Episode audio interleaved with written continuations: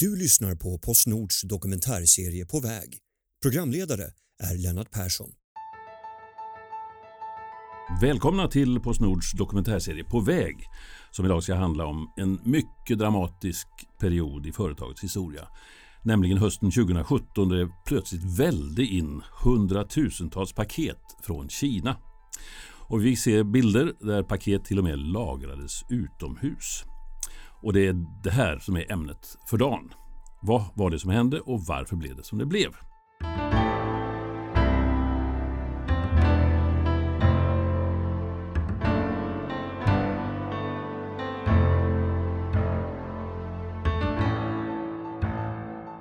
Och jag säger välkommen hit till Peter Eslin, före detta terminalchef på Postnord. Nu är du chef för någonting annat. Jag är Head of E-commerce Logistics på Postnord i Sverige. Caroline Englund, reporter på Breakit och som skrivit mycket om det här. Tack. Och Freddy Sobin, VD för Kicks och ordförande i Svensk Digital Handel. Tack. Ja, mina damer och herrar. Vad var det som hände 2017? Ska vi börja med dig Peter? Förklara, vad var det som hände här för snart två år sedan? hösten 2017 när det kom var det 170 000 paket om dagen. Ja, men det där byggdes väl upp eh, 2016, 2017. Eh, den globala handeln ifrån framförallt då Kina tog ju en enorm fart med diverse appar som har funnits som gör det väldigt enkelt för en konsument att beställa grejer ifrån Kina. Men alltså att det blev just precis då, var, det de här apparna? Eller vad ja, det? absolut. Det är drivkraften bakom det. Um, enkelheten att handla från Kina som, som konsument och framförallt uh, um, extremt billigt. Så billigt som man nästan inte förstår det. Um, skulle jag vilja påstå. Gummisnoddar för fem spänn kunde man köpa ja, och få ett paket gratis. Väldigt paket. många varor egentligen för 10-20 kronor inklusive frakt från Kina. Um, vilket är, alltså, kan man tycka är orimligt, i alla fall jag som privatperson. Kunde ni ha uh, anat den här anstormningen? Uh, jag tror aldrig att vi anade, vi, vi, vi, aldrig att den skulle bli så stor som den blev. Men när vi pikade under hösten 2017 så hade vi 160-170 000 paket om dagen som välde in från Kina. Um, och, då ska jag vara, och de kommer ju inte som man tänker sig vanliga paket med en massa EDI och sånt som man skickar primärt och um, dyrare varor. Utan det här kommer ju in då som post, som brevförsändelser och internationella brev är ju då upp till två kilo. Um, så att ingenting av det här är ju aviserat ifrån avsända land utan det dyker bara upp. Vad gjorde, vad gjorde ni då? då? Ja, vi fick ju ett, vi har ju bara en internationell terminal som tar emot den här typen av gods eller som tar emot internationella brev flygledes och det är på Arlanda. Um, där har vi ju begränsade ytor. Det, det finns ju inget sätt liksom att blåsa upp de där ytorna och bara expandera igen när, när, när sändningen kommer in. Utan det blev ju tidvis att vi lagrade ganska mycket utomhus i de här blåa säckarna som egentligen startade hela den här debatten. Eh, säckar som är gjorda för att liksom hållas utomhus. Och det här sker på väldigt många olika ställen i världen. Eh, och sen var vi tvungna att tillsätta ganska mycket personal liksom, och öppna upp fler timmar under dygnet för att få det här igenom vårt nätverk. Så ni hade egentligen ingen beredskap för, att, för den här enorma mängden paket? Nej, utan vi kunde bara göra så mycket som vi kunde eh, med ska säga, den infrastruktur som man hade.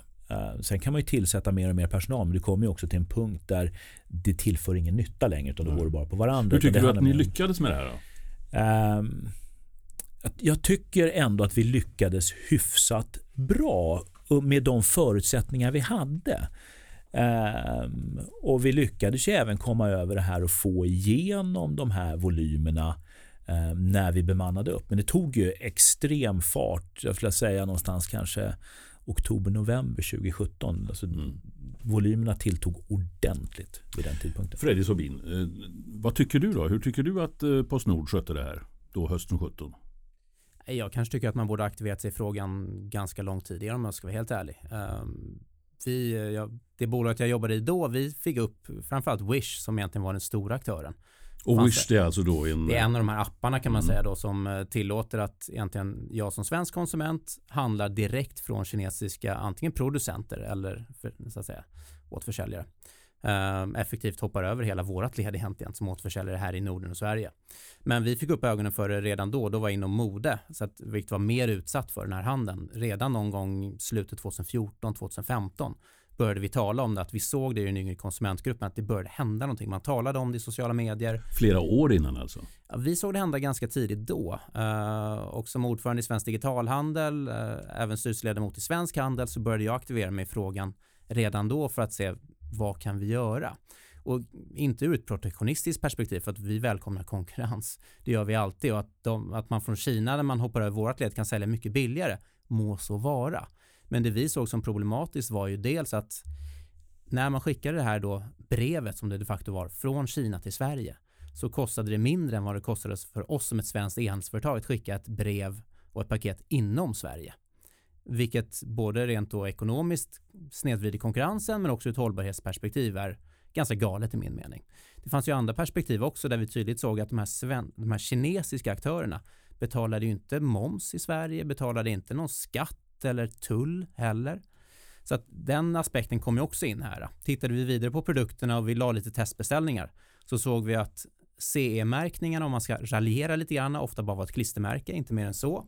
Och CE-märkning det är till exempel elektriska grejer. Som Precis, man, det är ju kring elsäkerhet, ja. förlåt. Mm. Sen finns det ju andra väldigt mycket, då när jag var inom kläder så är det väldigt mycket kring kemikalier, eh, det så kallade REACH-regelverket som är inom hela EU. Vad får man ha i sina kläder eller inte? För konsumentens bästa. Mm. Där vi både inom Sverige och EU har kommit väldigt långt att jobba med de här frågorna. Mm. Och där vi som företag tar ganska stora investeringar och kostnader för att säkerställa genom labbtester att det inte innehåller förbjudna ämnen. Där vi vet att det gör man ju inte i Kina. Så att vi såg flera faktorer som snedvred hela konkurrensbilden och det reagerade vi emot. Vi ska återkomma till den konkurrenssituationen men, men du tycker att Postnord var, agerade för sent? De borde ha sett redan flera år innan att det här skulle kunna komma? Vi påtalade det för Postnord. Dessutom såg vi att med, med så att säga det med, med tanke på de priser som vi vet att de kinesiska aktörerna betalade att skicka paketen till Sverige och sen få dem distribuerade inom Sveriges gränser så kunde vi med ganska stor säkerhet säga att det var ingen direkt lönsam affär för Postnord, snarare tvärtom. Och det är klart att någon måste ju betala det priset och då var vi rädda för att det var svenska e-handlare som skulle få stå för den notan. Vad fick ni för reaktion då när ni talade med Postnord om det här? I början när vi började aktivera oss i frågan så var man nog såg man kanske inte problemet. Då var volymerna kanske inte så våldsamma som de senare blev. Peter, vad säger du om det här då? Um, Kunde ni ha reagerat eh, flera år tidigare? Jag själv klev ju innanför dörrarna på Postnord först i september 2017. Så att jag har inte all den historiken och var inte med i de dialogerna. Och det, det är inte på något sätt för att skylla ifrån sig. Jag, jag har bara inte historiken med mig personligen. Um, så att Lite tidigare, absolut. Sen är det ju också den saken att det här det kommer in som post. Det är väl det som gör det mer problematiskt. Eh, tittar man då på vad betalar man för eh, att skicka någonting från Kina till Sverige? Det är ju UPU som sätter de priserna. UPU är alltså? Den eh, globala postunionen. Och att det är billigare att skicka brev från Kina till Sverige det beror på att Kina betraktas som ett u-land fortfarande? I... De betraktas som ett u-land. Man röstar i UPU om vilka som ska få vilka typer av rabatter på porton. Det är ett FN-organ. Men hur kan man be behandla uh, Kina som ett u-land idag? Ja, det kan ju vi runt det här bordet tror jag ifrågasätta. Um, men som sagt, det är ju den här unionen. Och det men finns är det inte så att den här röstningen länder. sker ganska sällan? Den, det... den, sker också väldigt sällan. Ja. Och det här sträcker sig tillbaka till vad är det, 1878. ja. Så att det är klart att ja, det kanske inte fullt ut hängt med i tiden. Sen uh, har väl jag förstått att det finns vissa politiska påtryckningar från Kina att behålla det som det här också. På olika Såklart. sätt genom de här omröstningarna. Caroline, eh, du eh, jobbar på Breakit och du har skrivit mycket om det här. Vem är det egentligen som har ansvaret för att det blev som det blev här hösten 2017? För att det blev som det blev hösten 2017 är väl egentligen konsumenterna som har handlat, eh, tycker jag. Och att det kom så mycket och att Postnord inte var beredda. Ja, alltså de kunde säkert ha förberett sig bättre. Men eh, jag tror att det var få som eh, anade att det skulle bli en sån eh, enorm anstormning av brev från Kina. Men jag, jag, menar på det här att eh, det var ingen avgift och sen så Ja. blev det moms och så här. Precis. Hur, hur, hur skulle man ha agerat? När, från- när det gäller momsen som blev en väldigt stor fråga eh, under början av 2018, då är det ju ganska klart att eh, det är Tullverket som är den myndighet som är ansvarig för att ta in moms på försändelser från andra länder. Eh, och, eh, för jag började titta på det här och jag tänkte först att det kanske var Skatteverket eller, och jag ringde runt och eh, då visade det sig då att det var Tullverket. Och när jag kontaktade Tullverket och då berättade de för mig att de gjorde inga kontroller på försändelser från Kina överhuvudtaget för de tyckte inte att det var värt det. För det som vi sa förut så kunde man ju beställa till exempel tre hårsnoddar för 10 kronor och skulle man gå in och kolla eh, varje sån liten försändelse så skulle det krävas ganska stora resurser och därför så gjorde man inte det helt enkelt. Men sen blev det här eh, en väldigt stor sak och eh, Magdalena Andersson till exempel finansminister, Finansministern, ja. ja, finansministern hon tyckte eh, hon höjde rösten kring det här och sa att den här momsen måste in. Nu har det blivit så stora eh, mängder av paket så nu måste vi titta på det här. Eh, och det var ju först efter att flera medier hade rapporterat om det som Tullverket vaknade och då i samarbete med Postnord kom fram till den här lösningen som sen led, ledde till en hanteringsavgift som vi skrev mycket om. Det blev en, en, en avgift först alltså innan moms? eh, Nej, momsen. det var i samband med det, Ja. eh, när man eh, löste den här hanteringen. Och det var ju Postnord som löste själva hanteringen Ja, på vad- uppdrag vad- av hur, Hur Tullverket. resonerade ni då när det, när det inte betalas någon moms på de här paketen och, och sen så införde ni den här avgiften och så småningom blev det moms? Alltså, tittar man på det rent historiskt så hade vi då administrerat moms på ankommande sändningar med ett värde över 200 kronor. Ehm, med en avgift också som tillkom det. Ehm, tittar vi på den eh, volymen som vi hade då senhösten 2017 på 150-170 000 sändningar om, om dagen så var mellan 1500 och 2000 ett värde över 200 kronor. De där tog vi hand om. Eh, sen är det som Caroline säger, det blev ju en enormt stor uppmärksamhet gen, alltså, runt den här Kina-importen. Eh, framförallt då medialt som gjorde att det blev en himla fart hos eh, Tullverket, regeringen eh, och då som konsekvens av det även hos oss. Och då, då fick vi en väldigt tydlig uppgift att från den första mars så ska allting som kommer in i Sverige momsas. Med all rätt. Eh, Hur, innan hur lång tid hade ni på er att införa det här då? en månad ungefär. Är det Eh, möjligt att göra det? Det kan vi väl se i efterhand att det är. Ehm, Vi kliade oss i huvudet rätt ordentligt innan och sa det här är en omöjlig uppgift och även våra konkurrenter sa nu har ni liksom fått en utmaning som heter duga. Eh, Men vi lyckades, men vi fokuserade då inte eh, på effektivitet utan det var det här måste bara ske till varje pris och, och, och det var vi tvungna att göra och vi, vi löste frågan. Gjorde vi.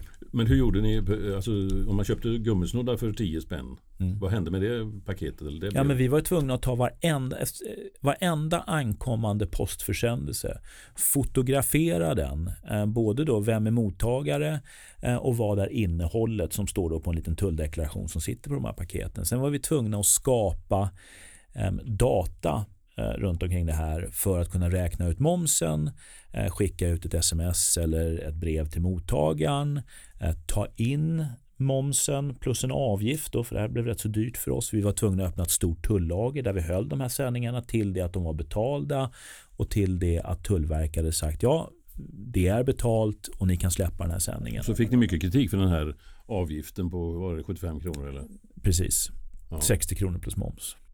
Men eh, det lå- låter ju lite bestickande att, att Freddy här larmade redan för två, tre år innan eh, och det händer ingenting. Men vad var det som gjorde att det hände någonting? Var det, var det när Magdalena Andersson? Nej, det är ju som alltid i Sverige, svårt att bli en skattefråga, då, då vaknar man till liv. Är det, är det så Peter att så fort eh, staten eh, hotas och inte får in sina pengar då händer saker? Bevisligen så gick det ju extremt fort när man lyfte upp det här i väldigt stora svenska mediekanaler eh, och då inte bara, man började med att ifrågasätta Postnord. Vad, vad är det som sker? Vad händer? Vad händer med den här importen? Tar ni ut avgifter för det här?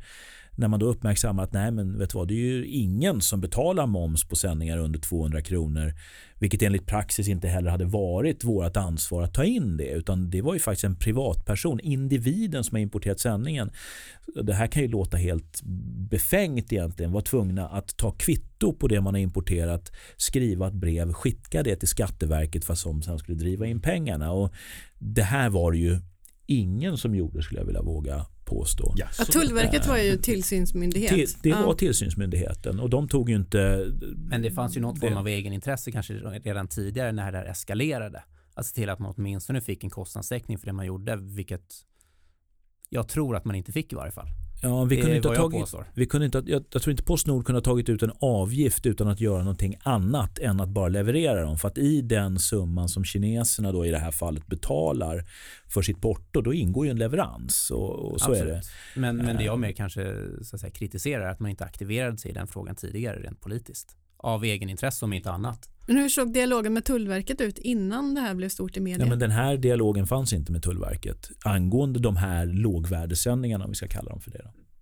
Nej, men moms och tull håller jag med om. Det, det, det, kan inte jag någonstans belasta Postnord för. Det vill jag verkligen inte göra. Det, det finns ju myndigheter och liksom statens intressen. Och vi talade som sagt även på Europanivå där man pratar om att det är inte bara de svenska gränserna vi behöver titta Vi tittar ju på de europeiska gränserna för det är där tullen ska tas ut exempelvis. Um, och jag tror att vi kanske lite självkritiskt, vi tryckte nog på fel knappar när vi gick ut och talade med Vad skulle ni ha tryckt på för knappar? Ja, bevisligen moms och tull. Ja. Då hade vi antagligen fått desto ja, för högre... jag, När jag tog upp det här så det var faktiskt Magdalena Andersson själv som hörde av sig till mig. Jag behövde inte ens ringa till henne utan hon var liksom intresserad av den här frågan. Hon ringde dig personligen? Ja, jajamän, eller inte hon själv, hennes pressekreterare. Ja. Men, ja. För det var du som hon... avslöjade det här med, med avgiften va? Eh, ja, ja, det kom ju senare. Det var ja. när jag jobbade på Breakit. Men, men ja, det, det gjorde jag. Hur gick det till då? Eh, nej men det var, jag, jag höll ju på att skriva om den här frågan väldigt mycket och eh, jag hade nästan daglig kontakt med Postnords kommunikationsdirektör Thomas Backteman. Och i ett av alla de här samtalen så sa han att ja, vi håller på att komma överens med Tullverket men för att göra det här så behöver vi ta ut en hanteringsavgift. Och, så det, och det var, var väldigt kontroversiellt att göra det. Ja, uppenbarligen. Den här artikeln fick jättestort genomslag så att det, det var det. Absolut. Och det fanns ju en hanteringsavgift redan innan för de här sändningarna som vi importerade då för en summa över 200 kronor i värde. Mm. Och den hanteringsavgiften var ju 150 kronor eh, och inte de 75 som är idag. Eh, jobbet att hantera en sändning som kostar eller som är värd 20 kronor eller en som är värd 250 eller 300 är ju exakt samma egentligen. Men här blev det en helt annan volym. Då hur är det idag då? Hur, hur är avgiften och momsen? Då? Ja, men avgiften är 75 kronor eller då 60 kronor plus moms. För så köper man en avgift gummisnoddar för 10 spänn så betalar man 75 kronor? Nej det gör det inte utan du betalar faktiskt 77,50 för det är 2,50 på snoddarna också.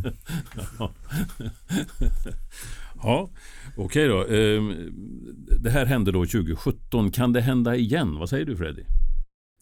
Nu har man ju tagit tag i en av så att säga, problemen som, som vi såg med det här, men jag ser ju fortfarande att det finns ytterligare områden kvar att ta tag i, bland annat vad gäller hållbarhet. Um, tittar vi, de flesta, och vad tänker du på då? Ja, men tittar man på svenska och nordiska företag som ofta producerar i Kina uh, så tar vi hem våra varor på båt oftast för att det är mer miljömässigt men också mer kostnadseffektivt. Så vi tar hem dem på container på båt, det är ganska lång tid och så vidare. Medan de här då breven flygs in. Så att ur ett hållbarhetsmiljömässigt perspektiv tycker jag att man bör titta på frågan. Tittar man också ur ett konsumentperspektiv så tycker jag att konsumentsäkerhet bör man belysa här. Eh, jag tror att vi har ett problem här. Jag tror också att just nu så är ju klimatdebatten väldigt närvarande i Sverige så jag tror att det skulle bli en större debatt om det här eh, började öka igen. Att man skulle prata om det mer eftersom det handlar om stora utsläpp och eh, att det inte är hållbart helt enkelt. Men där, där jag ser det, från konsumentens sida just nu, där man ser lite grann, vad ska jag säga, motsatsförhållande är att ja, konsumenten är mer och mer så att säga, medveten om miljö och hållbarhet. Men å andra sidan finns det ju väldigt starka strömningar mot att handla billigt. Ja, det, det finns där, ju någonting in... i det billiga ja. som gör att folk blir som galna och ja. bara Och då släpper handlar. man på den här medvetna aspekten om att man förstår vad det har för sidoeffekter. För att ja, men det är ju billigt. Det kostar bara 9 kronor. Och där är jag helt övertygad om att extremt stora volymer av det som handlades då, om man tittar på senhösten 2017 eller väldigt under vintern 2017-2018 jag tror, jag tror knappt att man öppnar det. Alltså jag, jag, tror att väldigt mycket bara hamnade rätt ner i en byrålåda. Utan det, det, här var ju luststyrt. Oj, 20 spänn, 10 spänn. Ja, men jag, jag prövar, jag, jag skickar efter, jag tar hem det. Men sen tror jag också att väldigt mycket användes bara för att det är billigt. Uh, och, och, jag tycker också att vi måste upplysa våra konsumenter. Den här avgiften och, och momsen och allt det här, har det gjort att nu, nu kan vi, det kan, kan, inte komma en sån här våg igen av hundratusentals paket om dagen? Det skulle inte jag våga säga att det inte skulle kunna göra. Däremot, alltså um, ehm, 75 kronor i, er, i, i avgift på någonting som kostar 10-20 kronor det det minskar ju den importen väldigt mycket men det kan ju vara så att priset på de varorna egentligen då som man eftersänder ifrån um, Asien eller liksom tredje världen eh, eller det, om, om varans värde går upp, ja men då är ju helt plötsligt 75 kronor inte särskilt mycket. Igen då i en hanteringsavgift. Så, så jag tror att det beror lite grann på Men sen vad är det man vägar köper. runt det. Det ska man inte heller sticka under stol med. Att visst, det här, nu talar vi om saker som kommer direkt in till Sverige. Men kommer det in via ett annat EU-land som väljer att inte då ta ut tull och moms där man tar in det i det landet så kan du ju studsa det via ja, vilket annat EU-land som helst egentligen som blundar för det här och skickar vidare in i Sverige därifrån. Finns det någon eh, larmsystem för sånt? Då? Där, vet, där håller EU på att titta på en större lösning för hela unionen men den är inte på plats ännu. 2023 tror jag va? Uh, 2021, 2023. Ja, mm. Men nu är det ju också så att Postnord har en uppgörelse med Wish eh, som gör att det är Wish som tar hand om den här hanteringsavgiften. Den kommer ju till senare. Så uh, handlar man på Wish idag så slipper man ju hanteringsavgiften. Varorna kanske blir lite dyrare men man behöver inte betala 75 kronor längre. Mm. Och sen är ju inte Wish den enda aktören, det ska vi också ha med oss. Det Absolut inte, men det är, de, de är en, de mest... ja, en väldigt stor aktör. Ja. Blev det, fanns det i något annat EU-land samma invasion av Kina-paket som i Sverige? Ja, det finns, alltså invasion av Kina-paket ja. existerar ju överallt. Det, det är ju inte ett Sverige-unikt problem. Sen har ju Sverige varit stora i handlandet. Eh, men det här är, alla våra kollegor runt omkring i Europa har ju den här utmaningen om vi ska kalla det för det. Ja, jag vet ju Danmark där Postnord också är aktiva så vet vi att man också har sneglat på den svenska lösningen. Eh, lite avundsjukt så. Också velat göra någonting kring det. Ja, vi har ju en dialog med dem eh, och, och, även danskarna kommer ju med största sannolikhet att få på sig att också ta in momsen ifrån första kronan. Vi ska eh, gå vidare i, i den här eh, dokumentärserien På väg om Kina-paketen. Vi ska nu, nästa ämne för den här panelen är alltså Postnords mediehantering.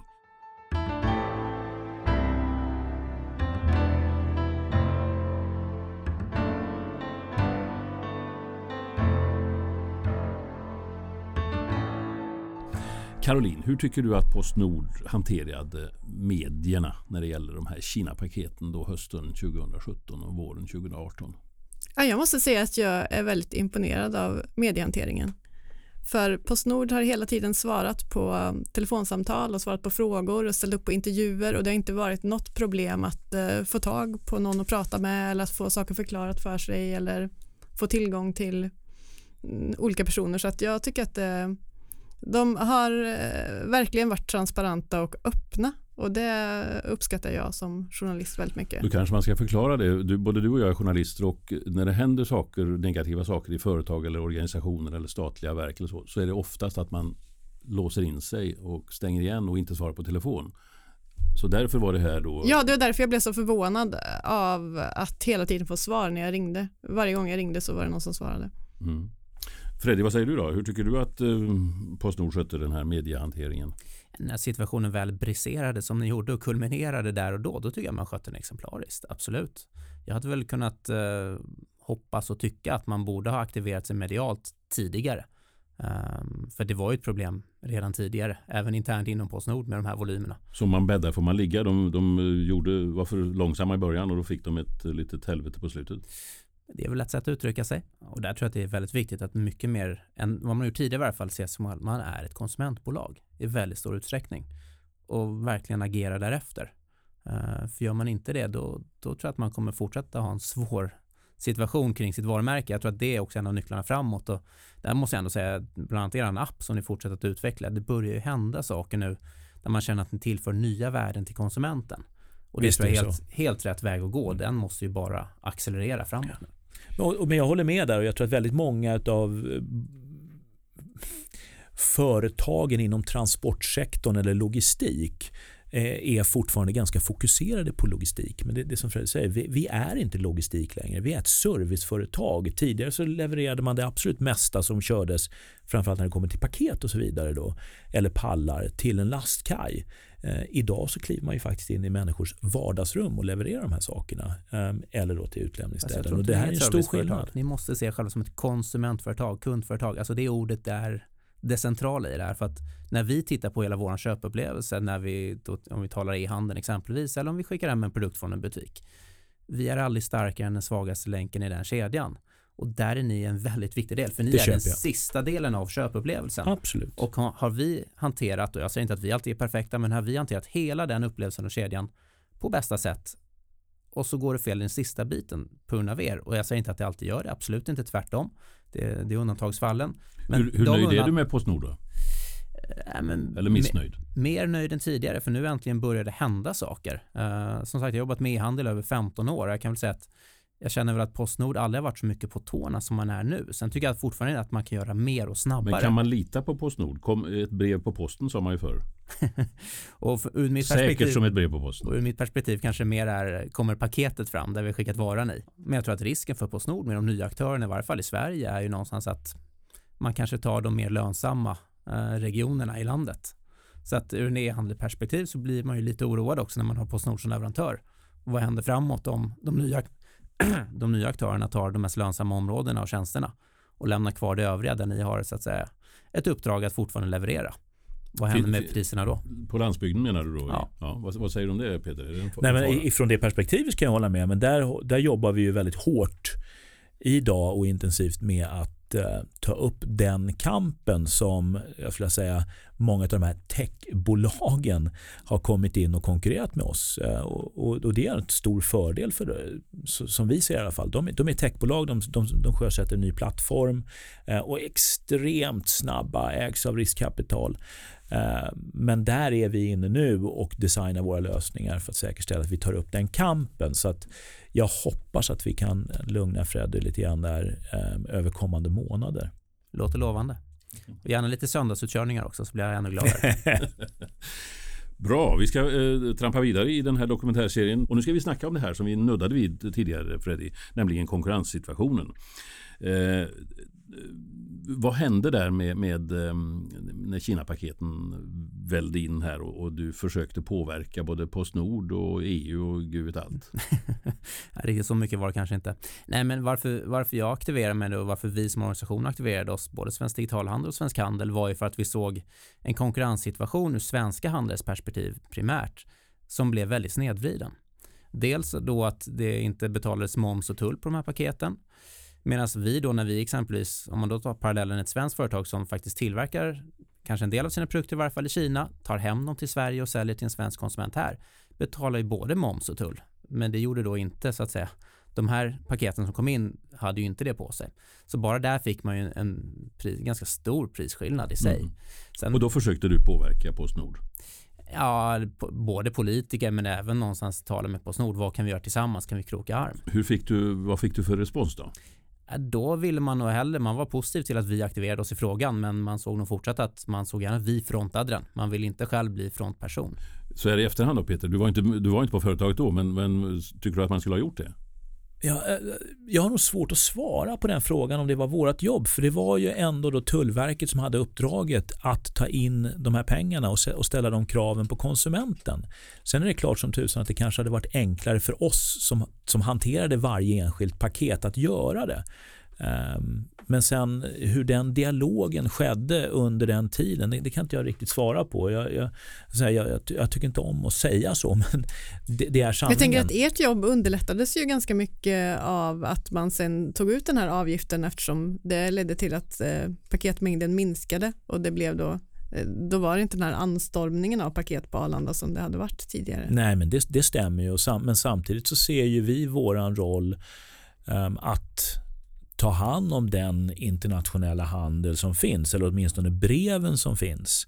Ehm, med det paket så är det ju samma sak där. Det är bara en, en långt mycket förenklad process eftersom då brukar man ju få liksom digital information med paketet och det gör liksom hela processen mycket lättare. Eh, samtidigt som, ja det är klart att bördan på Arlanda minskar när man går från 170 000 sändningar om dagen till 20-25 000 sändningar om dagen och en stor del av dem redan är momsade då eh, med som till exempel Wish gör och, och, och man betalar moms redan vid köpet. Eh, men samtidigt så är vi ju också här som en aktör för global handel. Så det, det, finns ju två delar till det här såklart. Kan det komma en ny Kina-invasion Peter Westlin?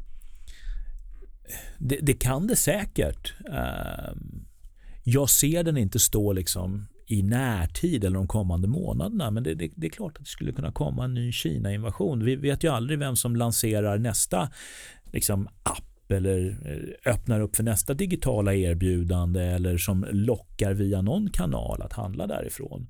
Ehm, men ser det som omöjligt? Inte alls. Men världen har ju blivit ganska liten. Du, menar, det, längst, det som är längst bort i världen idag om du ska ha någonting snabbt fram, det är 36 timmar.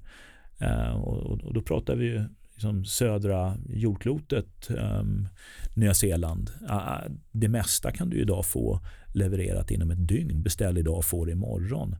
Ehm, så att det blir det som vi var inne lite grann på förut. Vad, vad är priset? Och väldigt många är ju fortfarande priskänsliga. Ehm, eller lockade av billighet.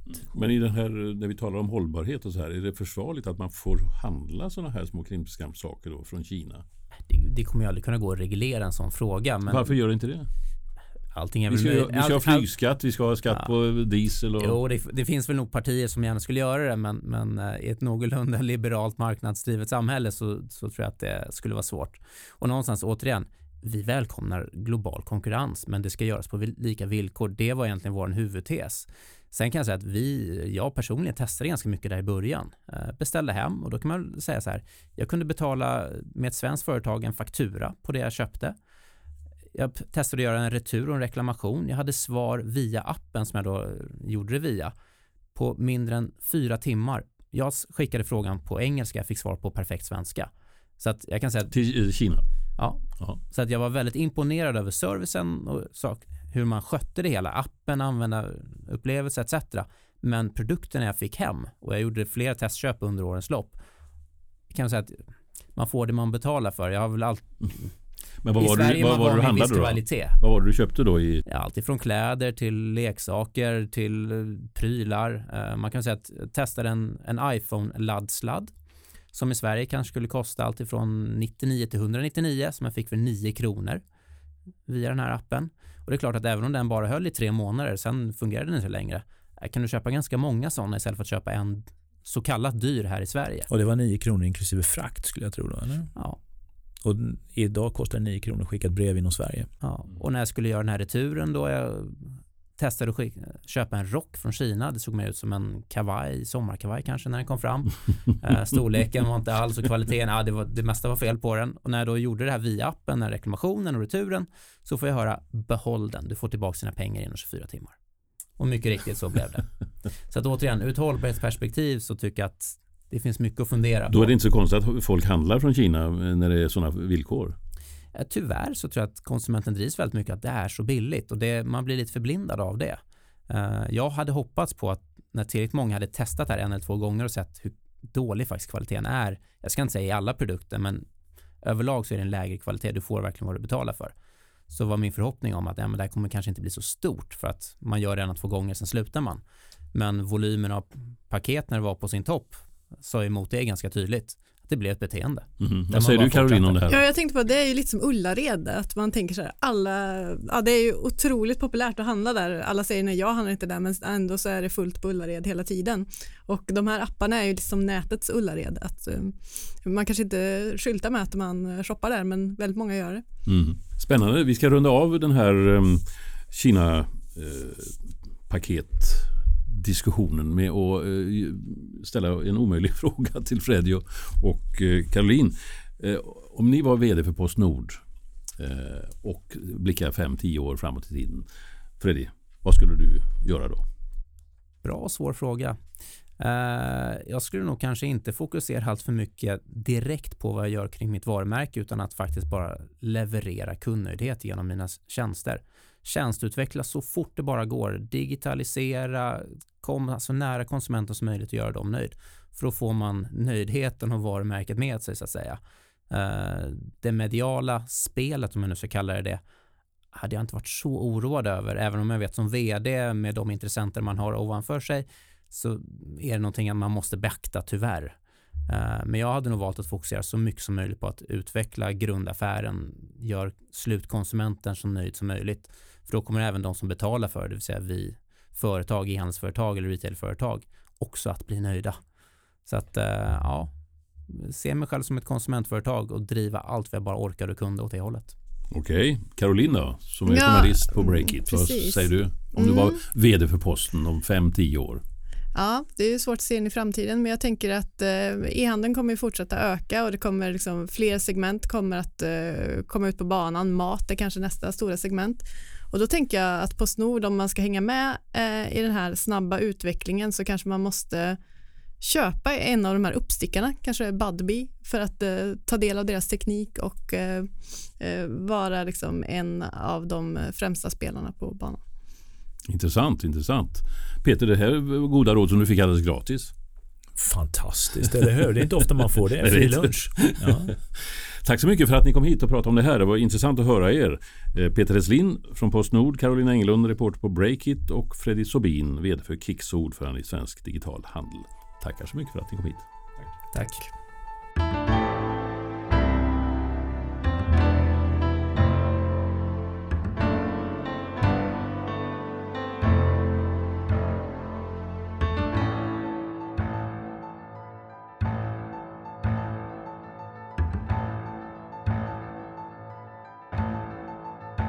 Du har lyssnat på På väg. Programledare Lennart Persson. Exekutiv producent på Postnord Marcus Trautman.